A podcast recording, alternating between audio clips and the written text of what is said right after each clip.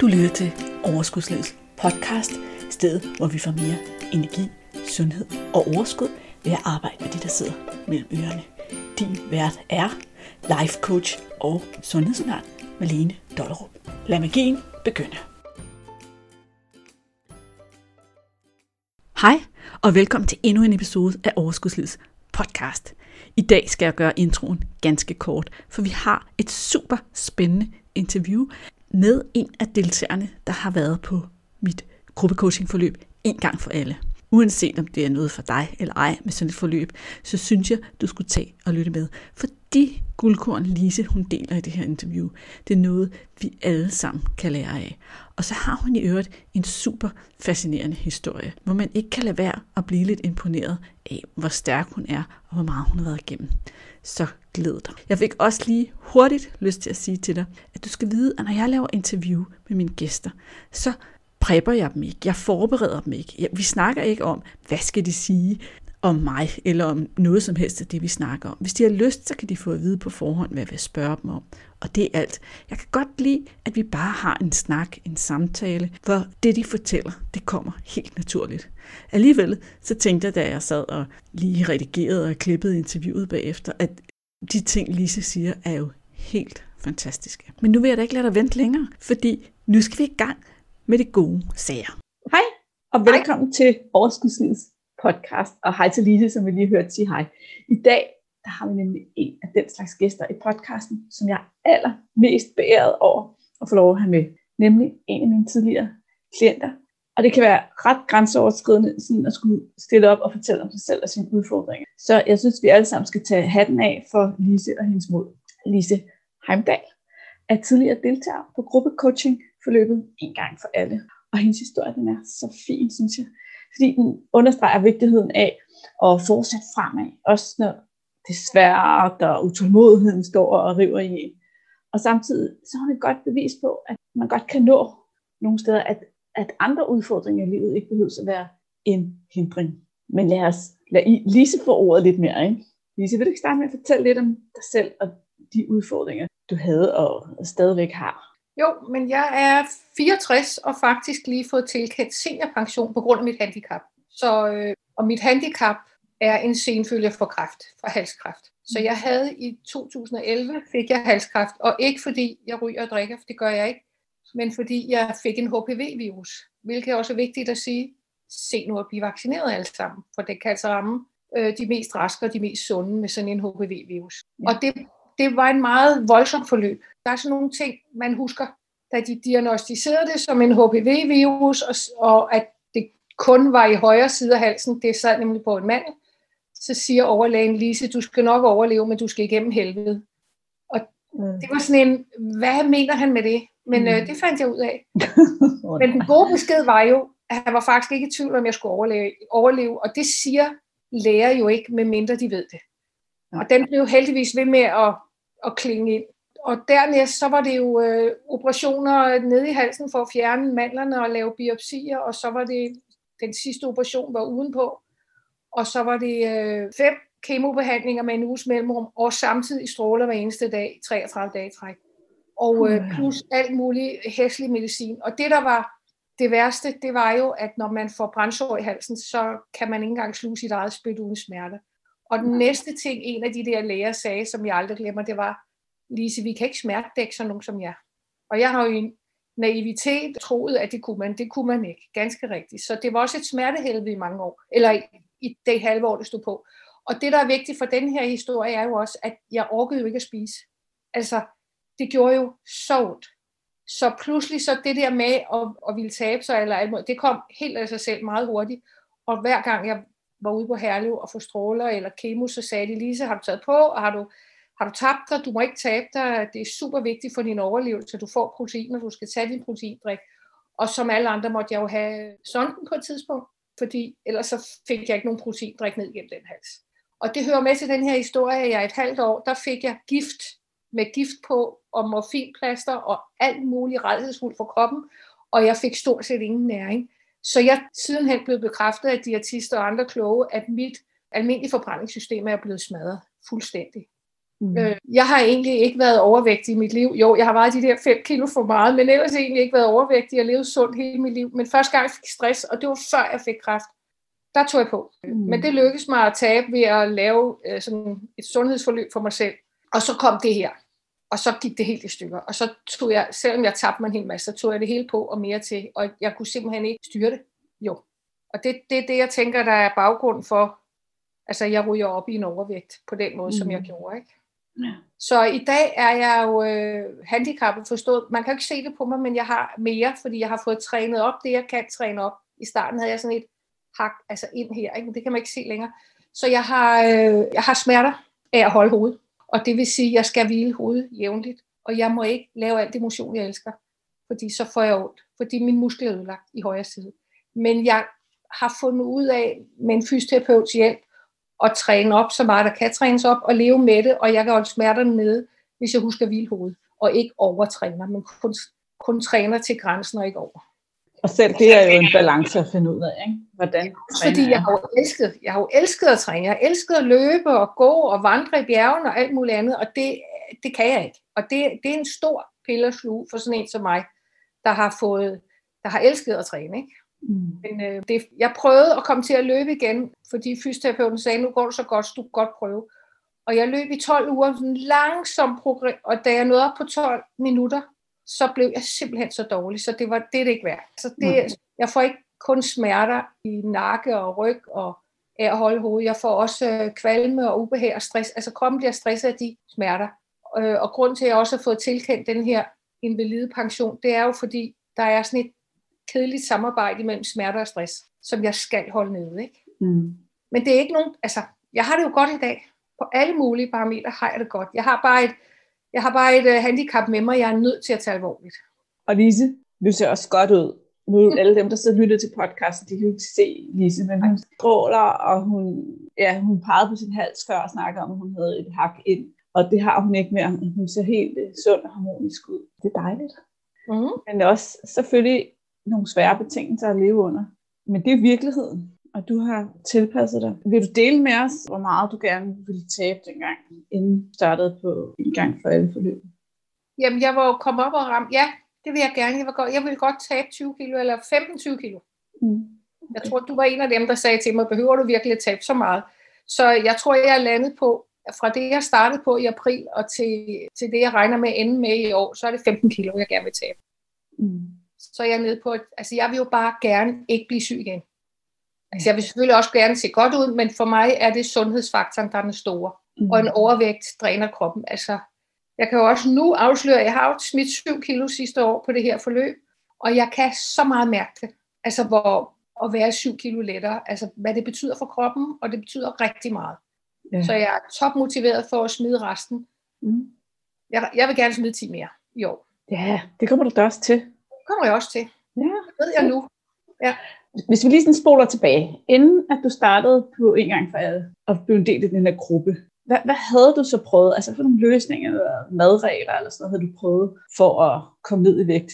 Nu hvor du Al- pludselig faldt af den der krop, du aldrig havde været i før, kan man sige. Altså jeg har prøvet alt, og jeg er faktisk, ligesom med mit sport, så er jeg faktisk vedholdende og ihærdig, og alligevel lykkes det ikke. Alt, altså jeg prøvede øh, keto, øh, det der low carb, high fat, og jeg tabte mig også og tog det på igen, og det var ganske redselsfuldt simpelthen. Mm. Og jeg har prøvet øh, en diætist, som øh, regnede min kalorieindtag ud, og jamen, altså, jeg tror, jeg har været igennem det hele. Altså, det var, der, efter min første stress og inden min sygdom, der havde jeg også en, øh, en slanke coach-agtig fra et træningscenter, hvor jeg trænede, ikke? hvor jeg faktisk lykkedes med at smide næsten 10 kilo ved at dyrke mere motion og ved at spise reguleret. Og det, der lærte jeg faktisk meget om, hvad det er, der påvirker min vægt, vil jeg så sige, i det forløb. Ikke? Mm. Men problemet var der, som med alt muligt andet, at man tager det på igen, når man stopper. Ja, når du, altså, du var afhængig af at have en at stå til regnskab for.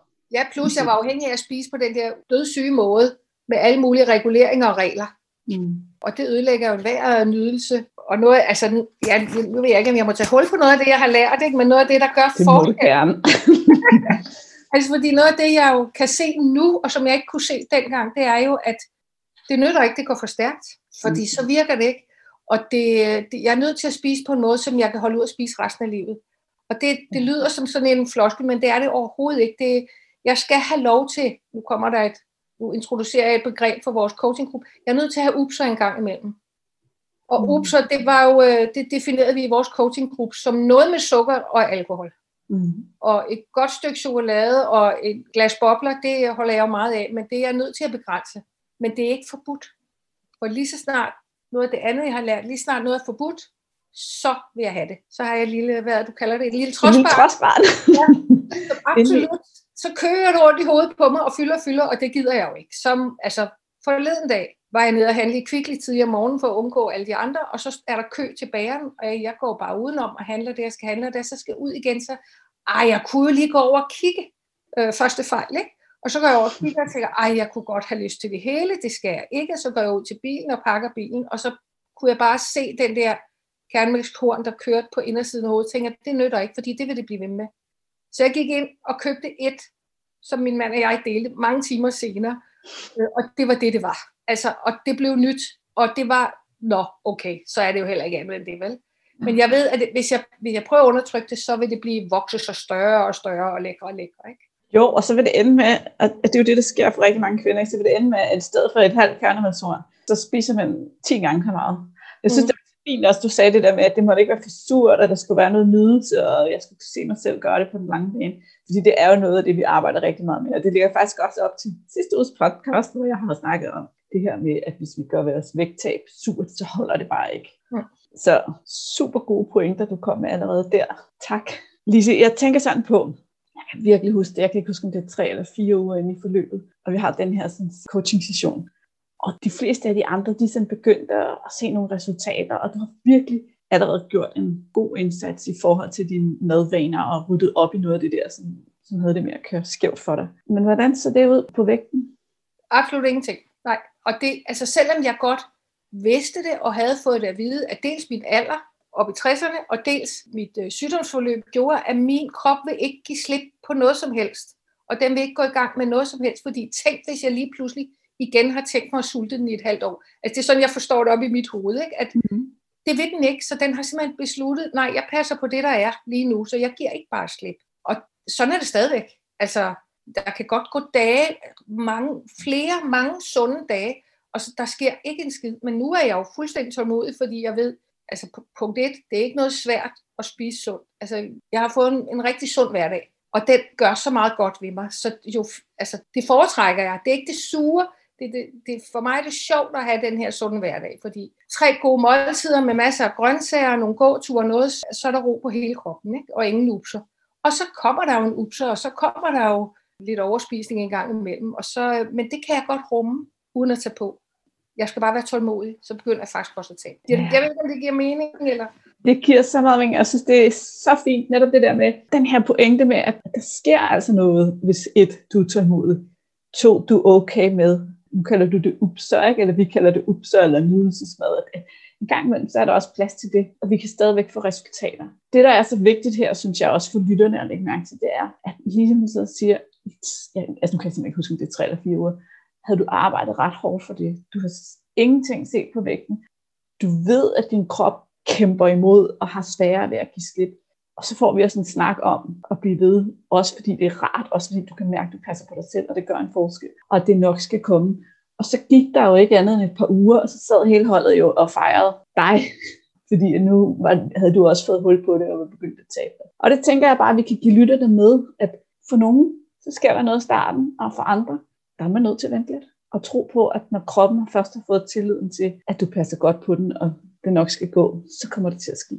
Ja, og det, altså, det har virkelig været en af de helt store kendelser, og der ligger jo en hel masse lag nedenunder det, Malene, fordi det er jo også, øh, der er jo også noget præstation i det her, der er også noget, øh, hvad har jeg nu gjort forkert, og hvorfor er jeg den eneste i klassen, der ikke kan, og hvad er det, jeg fejler, der er jo rigtig meget præstation i det, og i bund og grund, når jeg ser tilbage, så handlede det jo ikke om det, det handlede om en krop, der ikke ville give slip, og det mm. kunne jeg jo godt på mit fornuftplan, men jo ikke på mit følelsesmæssige plan helt købe. Jeg tænkte, mm. der er et eller andet, jeg gør forkert, der er et eller andet, jeg ikke er lige så god til. Men det har jeg jo fundet ud af, det handler det overhovedet ikke om. Nej, fordi, fordi du er jo lykkes med det. Bare ikke det klip, og jeg, jeg, jeg kan godt tabe mig, det ved jeg nu. Og uden at det er surt. At det er jo en rigtig vigtig pointe. og det vil sige, at sådan som jeg lever nu, så vil jeg jo tabe mig. Og ja. jeg har ikke mig leve anderledes. Nej. Nej. Så derfor ved jeg heller ikke, hvad mit endelige mål er, fordi Nej. det er egentlig ikke vigtigt. Nej, det er der, hvor der er din krop i tænker, nu føles det godt, 100% godt, og det er nemt at holde, og det er nemt at være her. Lige præcis. Mm. Lige præcis. Ja, super. Og, så du, du har jo egentlig allerede fortalt, hvor mange kilo du har tabt indtil nu, eller i forløbet der, det er 7 kilo, og du vil gerne tabe 10 mere. 10 mere. Og du har givet Noget med at komme inden for normal BMI. Det er det, jeg er sådan, fordi Mm. mit fokus er sundhed, ikke? Så, så det er det, men, men om det bliver 8 eller 10, det er lige meget. Og det synes jeg også er så fint. Nu nævnte Lise jo for jer her, at jeg spurgte hende, om hun var sikker på, at hun ville tabe 20 til at starte med. Og det er egentlig ikke fordi, at man ikke må have et ønske, men det er sådan en trykprøvning af, hvor kommer sådan et mål fra, hvor vigtigt er det for dig. Og, og nogen opdager, at så siger de, ved du hvad, jeg, jeg går måske efter 15 eller 16, eller... og så når de kommer dertil, så det går egentlig meget godt, og det fortsætter nedad, og det er fint, og så gør vi det. Så det gælder også om at finde noget, vores hjerne kan overskue. Ja. Og så regulere på vores mål undervejs. Det synes jeg er rigtig fint. En af de ting, jeg har opdaget, det er, at et kilo om måneden, det er nok muligt. Men mere skal jeg nok ikke sætte næsen op efter. Og det er også fint. Så det er også noget mere forventningsafstemme. Ikke? At kunne sige, jamen, jeg tabte 7 kilo på 9 måneder sidste år, og øh, den første måned, der skete jo ingenting, og i december er der heller ikke sket noget. Så, så det er fair nok at sige et kilo om måneden. Det er realistisk, og sådan er det. Ja, Og det sjove er jo, at det er realistisk, og samtidig nemt og rart. Og noget, Ja. du kan se dig selv fortsætte med, ikke? Jo. Super godt. Kan du sætte nogle ord på, over for dem, der sidder og lytter til dig nu? Hvad er forskellen på det, du gjorde før, og det, du gør nu? Jamen altså, jeg nyder at spise. Der er ikke noget, der er forbudt. Der er ikke nogen regler. Jeg kan stadigvæk falde. Altså nu er jeg jo også, nu har jeg jo også en kandidatgrad i pædagogik, så jeg er meget, meget nemt til at synes, jeg skal lave planer og målsætninger og alt muligt andet. Det er sådan en faglig, faglig ting, jeg har med mig. Og det, det dur bare ikke, når det gælder spisning. Noget af det, jeg har lært, og noget af det forskellen er, det er jo at mærke efter. Jeg tror, du introducerede en maddagbog på et tidspunkt, og den brugte jeg jo bare i en uge, tror jeg. Og det vigtigste punkt i den var faktisk, hvor sulten er du, inden jeg begyndte at spise, og hvor sulten er jeg, da jeg sluttede med at spise hvert måltid. Det var en øjenåbner for mig, at jeg var ikke særlig sulten, når jeg begyndte med at spise et måltid, og jeg var overspist bagefter. Det var der, jeg opdagede det. Det var ved maddagbogen. Og så begyndte jeg at mærke efter, og det gør jeg faktisk stadigvæk jævnligt. Stopper lige op og siger, øh, er du mere sulten? Nej, det er faktisk ikke. En af de ting, jeg ikke har lykkes med at lære endnu, det er, at jeg spiser stadigvæk for hurtigt, men jeg har også tænkt, nå, men det kan også godt være, at jeg er bare sådan en, der gør det. Men jeg mærker efter og stopper lige op og tænker, skal jeg egentlig have mere? Og hvis jeg er i tvivl, så spiser jeg lidt grøntsager, fordi det er jo nærmest gratis. Så, og det virker for mig. Super gode strategier. Altså, ja, de idéer med små postet, jeg har, havde også en, fordi det der med, at man tror, man kan huske det, når man beslutter sig for noget, men det kan man ikke.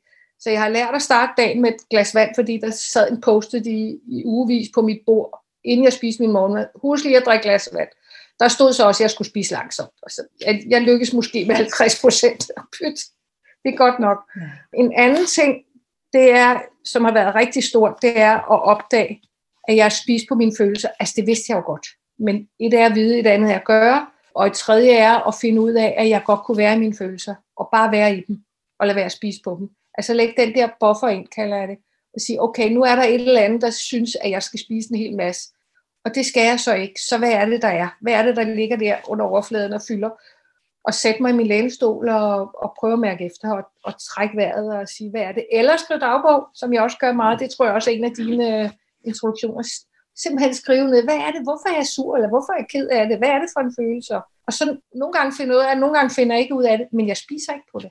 For det hjælper ikke. Det har jeg jo opdaget. Det hjælper faktisk ikke. Så når man tør mærke efter, og tør mærke sine følelser, altså grund til at sige det, det er fordi, jeg kan godt have nogle meget voldsomme følelser ovenpå sygdom og, og angst og depressioner, og hvad der ellers kom i kølvandet på det kræft der.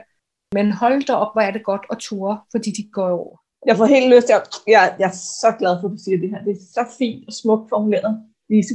Det er så stort i mit liv, at kunne være i sine følelser.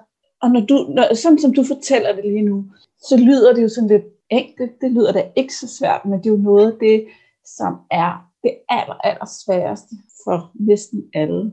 Det er lige netop det, du har forklaret her. Det her med at turde være i sine følelser, stoppe op og mærke efter, hvad er det, det handler om, og, og ligesom adskille de to ting. Det var super fint forklaret. Altså det Så giver flot. en kæmpe styrke at tro på, at jeg tør være i mine følelser, fordi så behøver jeg ikke blive bange for at blive bange, for eksempel. Altså, ja. Og jeg tænker, der er nogen, der hører det her, der godt ved, hvad jeg taler om. Ikke? Mm. Og det, øh, det giver altså ja, en kæmpe styrke at vide, jamen det behøver jeg ikke. Altså det er bare følelser, og de går over, og jeg kan være i dem, og jeg kan meget bedre klare dem, hvis jeg ikke prøver at undgå dem ved at spise, eller ved at løbe hurtigt, som jeg nok også har præsteret før, eller, eller sige, ej, nu skal vi altså have et glas vin, fordi det er fandme også for hårdt der. Nej, nej, nej, ingen af delene. Jeg er lige i det, måske skriver jeg lidt om det, og jeg rummer det, og så går det over. Og accepterer, at nogle gange kommer der sådan nogle, selvfølgelig gør der det, for os alle sammen nogle dumme følelser. Jeg tror også, du er en af dem, der siger 50 procent. Er det ikke det, du siger? 50 procent? 50 50, siger jeg. Og det, det er sådan fint at vide, nå ja, livet er ikke altid lavkage, vel? Nogle gange er det også bare en robrødsmad, og det er okay. Ja, jeg tror, det er svært at forestille sig for folk, der ikke har lært det. Det her med, at man kan være sådan, åh, nu har jeg også bare brug for et glas vin, og så at det egentlig er bedre at lade være. Ja. Men det er jo det her med, at følelser, de vil mærkes, uanset hvad vi gør, uanset hvor meget vi prøver at undertrykke dem, så råber de bare højere og højere. Og det der med at gå head in, hovedet fast, som Lise lige forklarer, det gør det meget nemmere at være sammen med de her følelser, som vi alligevel ikke kan undgå at have. Så det er så fint. Ja, altså jeg har også en billede af, at jeg tager magten fra dem. Mm. Altså, ja. fordi jeg fodrer dem ikke med noget som helst. Jeg accepterer, de er der, og jeg giver, okay, goddag, goddag, dig har jeg mødt før, men øh, du skal stadigvæk ikke tage magten fra mig. Altså jeg har fået magten tilbage, og jeg har fået troen på tilbage over, at jeg ikke bliver så overvældet. Og altså, du ved, hvad jeg har kæmpet med i den periode, hvor vi har kendt hinanden, ikke? så jeg har også fået lov at mm. prøve det, og det virker, og det er, det er så stærkt. Så tak for det. Dejligt at høre. Men jeg har nogle flere ting på listen. Jeg kan klare at være sulten. Ja. Altså det, og det tror jeg, det havde jeg ikke opdaget, men jeg kunne simpelthen ikke udholde at være sulten, da jeg startede på det her fly. Jeg var, og det, det handler om det halve år, hvor jeg faktisk var sulten uafbrudt. Og det var jo forbundet med smerter, så der var et eller andet op i min hjerne, jeg tror, der besluttede, det er så farligt for Lisa at blive sulten. Hun må bare ikke være sulten, fordi så, så, så bliver hun udsat for alt muligt. Jeg tror, der var sådan en forkert kobling op, eller ikke forkert, den var jo skabt af noget. Så jeg tog ikke være sulten, og jeg havde sågar også prøvet at småfaste lidt, og jeg var blevet så dårlig. Så jeg tænkte, hvis ikke jeg må spise hver gang, der er et eller andet signal, der siger, at jeg skal spise, så, men det gør jeg jo i dag uden problem. For en af de ting, jeg besluttede mig for undervejs, det var at sige, at jeg prøver at lade være at snakke for meget. Jeg begynder at skrue ned for at snakke. Jeg ved, vi talte om det. Alle vil gerne lære at lade være at snakke for meget mellem måltiderne. Og så gjorde jeg jo, som du foreslog, skrue lidt ned, snak måske kun det halve, eller vent lige et øjeblik, behøver du lige nu, og de der bitte små tag i at finde ud af, gud, det kan jeg faktisk godt være med. Og ja, jeg er der sulten en time, inden jeg skal aftensmad, det er jo fint. Så har jeg, jeg har faktisk opdaget, at det er sjovt at lave mad, når man er sulten. Jeg bliver enormt kreativ, fordi jeg glæder mig, og pludselig så kan jeg forestille mig, jamen det der smager måske godt sammen med det der. Og sådan noget. Jeg er faktisk blevet en bedre kok af at være sulten. Og det har jeg jo ikke tilladt mig selv at være. Så det er vel også bare en følelse, man klarer. Sult er jo også bare en følelse, ja. som, som går over. Mm-hmm. Ja, og som føles utrolig forskelligt afhængig af, hvad man tænker om følelsen. Ja. Om man tænker, jamen, jeg bliver lidt kreativ, når jeg er lidt sulten til min aftensmad, eller man tænker underbevidst, som du egentlig selv sagde her, underbevidst for dig, så tænkte du før, nu kommer store smerter. Ja. Det, var det, det var sådan en kobling, der har ligget i din underbevidsthed og forhindret dig i at, at gøre dig bange for overhovedet at turde være sulten. Lige præcis. Mm. Og, og der er faktisk utrolig mange mennesker, som har måske ikke, altså din kobling er jo voldsom, kan man sige. Det er heldigvis ikke de fleste, der har været i kemo og haft kræft, men et eller andet sted i deres liv, så har de lavet en kobling, som gør sult er farligt, løber af godsøjne, det kan man ikke sige i en podcast. Og derfor så spiser man hele tiden for en sikkerheds skyld, og det giver bare så mange overflødige kalorier.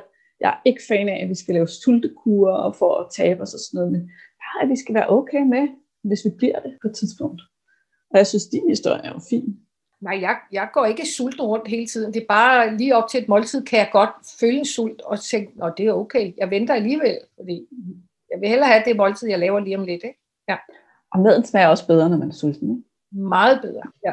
Det er helt vildt. Når der er kommet altså, en ro på, ikke? på det, og så er der, øh, ja, upserne, mm. altså at ny- begrænse dem og nyde dem. Og har vi talt mange gange om i vores forløb, ikke? Og det er jo det der med ikke at Altså, selvfølgelig skal man nyde en god chokolade, og selvfølgelig skal man nyde et glas bobler en gang imellem, ikke? Men det skal ikke være for tit, og det skal ikke være for meget, fordi fornemmelsen bagefter, altså når man nu er begyndt at mærke efter, så kan man jo godt mærke, altså det er jo ikke det, kroppen jubler over. Så, men altså, at nyde godt, det smager jo 10 gange bedre, når man bare lige nyder lidt, og ikke meget. Og det er jo egentlig også sjovt, ikke? Fordi hvis man tænker på champagne eller bobler, som du siger, ikke? Hvis nu du, du fik bobler tre gange dag, hver dag, Jamen altså, det umuligt kunne være samme nydelse for dig, som når du en gang imellem giver dig selv lov. altså, det kan godt være, det lyder lidt hovski snovski, det er bobler, jeg foretrækker, men det har noget at gøre med, at jeg tidligere i mit liv havde migræne om, og har fundet ud af, at bobler er bedre end rødvin. Så det er ikke for at...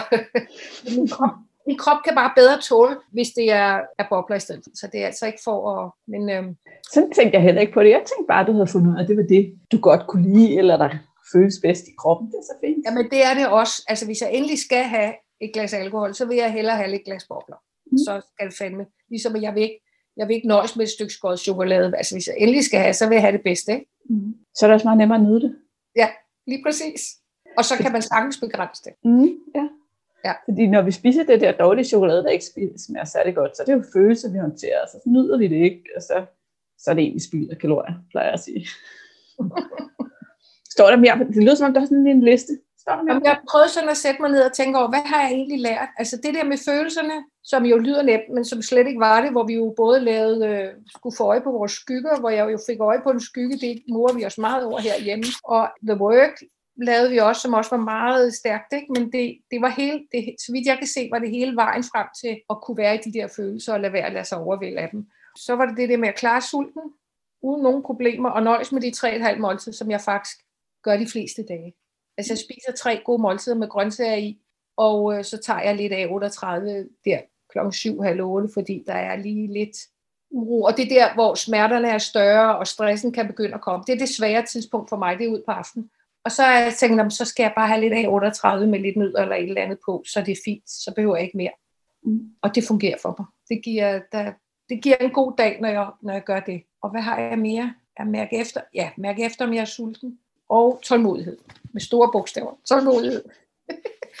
Jeg tror også, tålmodighed, det er noget af det, jeg coacher allermest på. Det kommer op fra alle på et eller andet tidspunkt. Og det er vores den der hjerne. Vi bare gerne have, at det skal gå hurtigere. Ja. Ja. Den der med, vi vil gerne have det overstået, jeg vil gerne i mål. Og det er jo noget værd sludder, for der er ikke noget, der skal overstås, og der er egentlig ikke noget mål. Når man har fundet ud af at leve på den her måde, så er det jo sådan, det er. Så, ja. Super smukt sagt. så nej, der er ikke lige umiddelbart noget på min liste her, af ting, du har lært mig, men der er jo masser. Tak for det. Jeg synes, det var rigtig godt. Jeg er lidt nysgerrig. Hvad var du mest bekymret for? Altså inden, altså da du besluttede dig for at sige ja til at få en coach, være med i den her gruppe, kaste dig ud det her. Hvad var din største bekymring eller tvivl? Men altså, min bekymring var blandt andet at have fiasko igen igen. Fordi jeg havde jo prøvet alt muligt at have fiasko hver gang med at tabe mig, og det orkede jeg egentlig ikke. Men jeg havde fulgt øh, Facebook-siden Sund Kurs, og jeg havde set dine videoer og hvad der ellers var, og, og var meget med på, at det handlede om det, der skete mellem ørerne, i stedet for alle mulige restriktioner. Så, så jeg endte jo med at give det et skud, ikke? Men jeg var bekymret for at få fiasko igen. Og så var jeg, det der med at være med i en gruppe, det havde jeg, den eneste bekymring var, om jeg kom til at tale for meget, om der blev plads til de andre. Og det, var, det blev ikke noget problem. Godt. Hvis der sidder nogle andre, der sidder nogle lytterne, der er bekymret for at dele ud af sig selv i en gruppe, og være med i sådan en gruppe, har du noget, du vil sige til dem? Hvad er Jamen, det det er jo- særligt ved at være del af en gruppe måske? Det er jo super fedt. Vi skriver jo stadigvæk sammen, som du ved, selvom vi stoppet for længst. Ikke? Og vi er super gode for hinanden, selvom vi aldrig har mødt hinanden. Det er simpelthen så sjovt. Og vi bakker hinanden op, og vi er vidt forskellige, men, øh, men alligevel er, har vi også en masse, vi, vi deler. Så nej, det er jo altid os. Det er super at være med i en gruppe. Og det er jo et, det er et lille lukket forum. Altså, det er jo kun os, hvad er vi, syv i gruppen, ikke? Som, øh, som kender hinanden og er der for hinanden øh, lige omkring det her. Ja, og det er jo en af, grupperne til, en af grundene til, at jeg ikke vil lade grupperne blive for store. Det er jo det her med, at så får vi skabt det her sammenhold, hvor netop, som du siger, at vi kan være der for hinanden. Ja, Lise, det er så godt. Hvis du skulle give lytterne et råd eller et tip af en eller anden slags, hvis de genkender sig selv i dine udfordringer, og det kan jo både være det her med at kæmpe med et eller andet efter sin følger af noget sygdom, eller det kan være det her med at være bange for fiaskoen eller noget helt tredje. Men hvad, hvad vil du så sige dem? Jamen altså, det der med at kæmpe med udfordringer, altså jeg, det kunne jo sagtens være gået hen og blive en undskyldning, eller sådan, offerrollen har aldrig ligget til mig, og den, øh, den har ikke givet mig noget, så jeg tror, jeg er sådan en, der tror på, at det nytter noget at blive ved med at kæmpe, og det gør det, og det er det her også, men, men jeg tror, at det, der var nyt for mig, det er det der med tålmodigheden, og øh, tage den med ro og tro på, at resultaterne kommer, og mit, et godt råd vil jo være at det er jo nok det der med at mærke efter. Stop lige op og mærke, om du er sulten. Stop lige op og mærke, hvad du føler. Stop lige op og og være der for dig selv. Stå op for dig selv og lige mærke efter. Og så køb noget hjælp. Lad være at tro, du kan det hele selv. Det er, jeg, det er da det bedste, jeg nogensinde har gjort for mig selv. Det er at, at få hjælp, fordi alt det, jeg har lært af det her, det er jo ting og gaver, jeg tager med mig ud i livet. Ikke? Smukt. Yes. Fantastisk, Lise. Jeg, jeg tror ikke, jeg har sådan lige, jeg har jo ikke et hurtigt fix, fordi det er der jo ikke. Nej, eller man kan sige, man kan jo sagtens hurtigt fikse noget, men det holder jo bare ikke så. Det holder ikke, nej.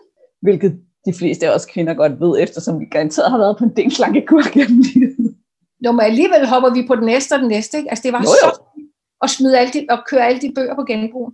Altså, alle mine slankebøger, de røg jo på genbrug. Det var fed følelse at rydde op i regionen og sige, slut, jeg behøver aldrig mere at købe en slankebog. Eller som en på vores en gang for alle skrev, her i januar kommer alle de der hurtige kurer, og jeg er så lige glad, for jeg har fundet vejen, skrev hun. Ikke? Jeg tænkte bare, ja, jeg er helt med dig.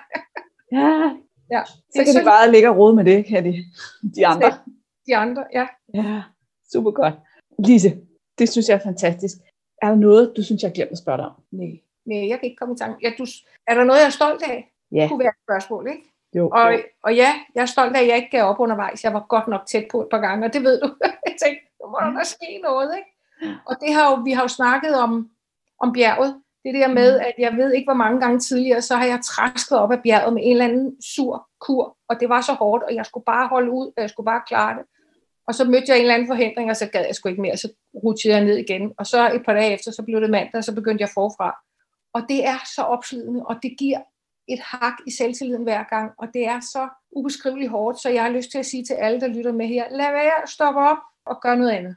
Gå op ad bjerget på og nyd noget undervejs, og gå langsomt og nyd udsigten og spise et stykke chokolade og, og vent på, og så have den sunde hverdag, der så lige pludselig igen finder en ny vej op ad bjerget. Det er sådan, jeg tolker det. Det er min, min metafor. Det er, jeg laver, din metafor, jeg laver lidt om. Men det der med at nyde vandreturen op ad bjerget i stille og roligt tempo, så man ved, man kommer op. Og ikke de der ruteture ned, som er så hårde og begynde forfra. Både hårde ved kroppen og sindet og alting. Ikke? Ja, og man aldrig rigtig kommer nogen regn, fordi man hele tiden starter ned på bunden af bjerget igen. Ja, hver gang man starter, er det bare, øv, hvor er du dårlig, og det her finder du aldrig ud af. Vel? Og, nu, og nu virker det bare så nemt at gå op ad det bjerg. Men det er, jo, det er jo langsomt, og det er fuldstændig ligegyldigt, det er langsomt. Ja, og sådan som det jo er med bjerge, så er der ofte langt til toppen. Ja, det er der. Så den der tålmodighed, vi har snakket en del om, det kan man spille en gang imellem. Ja. Og toppen er faktisk ikke så vigtig mere. Jo. Er der noget, altså, du er bekymret for i forhold til fremtiden?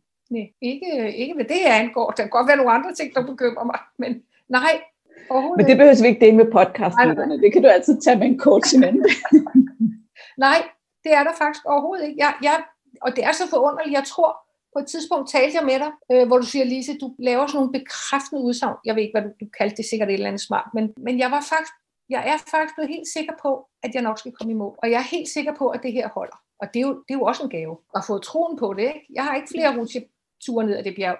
Jeg har spist julemad og chokolade, og det er jo helt her i december måned, og vi har holdt mange små jul, for ikke at være samlet for mange. Og jeg kan da tydeligt mærke, at hvis jeg har fået chokolade og fed mad i to dage, så vil kroppen gerne have noget mere af det. Men jeg føler mig sådan oppustet og utilpas. Så tilbage til de tre en halv gode måltider og en gåtur, og, og så har jeg rettet op på det. Og det vil sige, at jeg kommer ud af december uden at have taget på, og jeg har nyt big time flere upser, end jeg plejer. Ikke? Og lige nu er vægten så bare, du kan tro, jeg bliver her. Og det ved jeg godt, hvorfor. Ikke? Det tager lidt længere tid for mig at få det til at overvise om, nej, nej, vi skal længere ned. Men jeg er helt rolig, de skal nok komme. Ja, Ja, det skal det. Og ja, du var nemlig ret hurtigt god til at lave sådan nogle gode selvbekræftelser. Og det er jo det her med, at vi hele tiden beviser vores tanker. Jeg tror også, jeg snakker lidt om det i den podcast, øh, der handler om selvbilleder. Det her med, at når vi tror, at det skal nok gå, jeg skal nok få det til at ske, og jeg skal nok lykkes med det, og jeg kan godt det her, så også det, vi får til at ske. Ligesom når vi ikke tror på det, så det er det, vi får til at ske. Og det har du en rigtig god evne til, det der med at... Men, men Malene, du har også lært os, at bygge en bro nogle gange. Det var jeg lidt optaget af, som den der pædagog jeg også er, at man kan ikke bare stille sig op for en fjernsyn eller spejlet og sige, hvor ser du godt ud, Lise, hvis ikke man tror på det. Så er det noget sludder. Man kan heller ikke stille sig op og sige, du skal nok klare det her, hvis ikke man tror på det. Fordi så tror jeg ikke på det. Så man er nødt til, jeg tror, du kaldte det at bygge en bro. Og så ja, jeg kalder det brotanker, ja. Ja, noget med at sige, jamen, hvad, hvad kan jeg så tro på? Ikke? Jamen, jeg kan i hvert fald tro på, sådan som jeg også siger nu, ikke? Jeg, jeg ved nu, at jeg nok skal tabe mig. Men jeg ved ikke, hvor længe jeg vil være om det, og det er okay. Fordi så, har, så er det jo stadigvæk en absolut farbar brug. Jeg skal nok tabe mig. Jeg skal nok også tabe mig i 21 til mit mål. Men hvis det, jeg bruger hele 21 på at tabe 10 kilo, så er det helt okay. Det, jeg vil bare nævne broerne, for jeg synes faktisk, det har været meget vigtigt for mig, ikke at prøve at bilde mig et eller andet ind, som jeg ikke hoppede på. Fordi så, så tror jeg, det har den modsatte effekt. Og det har det også, fordi hvis vi står, som Lise siger, foran spejlet og siger, hold da op, og ser du bare lækker og godt ud, og vi ikke tror på det, så er der en masse tanker, der ligger bag hovedet og siger, det passer ikke, det passer ikke, det passer ikke, og så er ikke rigtig nogen effekt af det. Så det her med at finde ud af, hvad kan jeg tro på, som er mere positivt end det, som jeg går og tror på lige nu, det er så vigtigt. Men det tror jeg, vi kan lave en hel podcast om en dag, med brotanker. Tak skal du have, Lise. Jeg synes, det har været fuldstændig fantastisk. Jeg er helt sikker på, at der sidder nogle lytter derude og vil elske at høre din historie. Og udover, at, som jeg siger, og det kan lytterne jo ikke se, at du ser godt ud, så er du jo også bare både modig, kvik i pæren og en fornøjelse at være sammen med. Lise, hun har faktisk sendt mig nogle billeder før og efter, som øh, jeg tror, vi sætter os lige i toppen af, af podcasten, hvis man kigger på den fra bloggen. Man kan se det i dit ansigt. Lasse, det her, hvordan du har tabt dig. Hej hej. Hej hej. Hvad siger I så, venner? Var Lise ikke bare fuldstændig fantastisk? Fik du ikke lyst til at møde hende i virkeligheden og være i en gruppe med hende? Jeg kan desværre ikke tilbyde dig at komme i gruppe med Lise, for hun har jo allerede været igennem forløbet. Men jeg kan love dig, at du kan komme i gruppe med nogle kvinder, der er lige så skønne og engageret og ved det godt. Så hvis du, ligesom Lise, gerne vil lære at være i dine følelser og tage magten over dem, hvis du gerne vil støttes der, hvor du ved, du bliver utålmodig og har tendens til at give op. Hvis du gerne vil lære det, der skal til for, at du aldrig mere er bange for at være sulten, uanset hvad der er sket der tidligere i dit liv. Hvis du vil blive i stand til, hvis du drømmer om at kunne mærke efter i din krop og nyde din mad 100%. Og hvis du også, ligesom Lise, gerne vil stoppe med bare at gå og stræbe efter og vente på, at det hele er overstået, og du kommer i mål, men vide med dig selv, at du har fundet en måde at leve på, som er naturlig og nem for dig, og nok skal bringe dig i mål, uden at du skal kæmpe for det. Så ved jeg ikke, hvad du venter på, fordi så skal du da bare tage og komme med, snup en af pladserne på det næste en gang for alle hold. Bliv en af deltagerne. Du går ind på overskudslivet.dk, en gang for alle, og så gør du det her for dig selv, så får du den hjælp, du har brug for, og så skal jeg nok hjælpe dig med at lære alt det her. Som du kunne høre Alices historie, så kan man sagtens starte et sted, hvor man har svært ved at tro på det. Man kan sagtens starte et sted, hvor man er udfordret på alle mulige måder. Det betyder ikke så meget. Jeg skal nok hjælpe dig med at nå i mål. Overskudsledet.dk, skråstreg, en gang for alle. Noget du er i tvivl om, så spørg mig. Det kan du jo gøre ved at skrive til mig på Malene overskudslivet.dk. Altså Malene, snabelag, overskudslivet.dk. Jeg vil elske at høre fra dig. Du skal ikke holde dig tilbage. Også selvom du er i tvivl og ikke ved, om du vil med eller ej, så skriv det bare. Tak for i dag. Jeg glæder mig til at hænge ud i dit øre igen i næste uge. Hey, inden du løber, glem ikke at abonnere på podcasten, så du ikke går glip af en eneste episode. Og skulle du have fingre i den gratis videotræningsserie Vægtab med din hjerne, så smut ind på overskudslivet.dk videoserie, så lander den første video i din indbakke i dag.